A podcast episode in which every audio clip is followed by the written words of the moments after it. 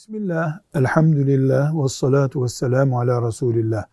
Bu ümmetin firavunu ifadesiyle ne kastedilir sorusuna cevap olarak diyoruz ki Mekke'de Resulullah sallallahu aleyhi ve selleme, ashab-ı kirama, garibanlara çokça eziyetler eden Ebu Cehil isimli müşriye Resulullah sallallahu aleyhi ve sellemin taktığı bir lakaptır bu.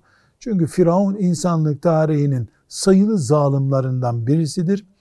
Ebu Cehil de ona benzer zulümler yaptığı için Resulullah sallallahu aleyhi ve sellem ona bu ümmetin Firavunu demiştir. Velhamdülillahi Rabbil Alemin.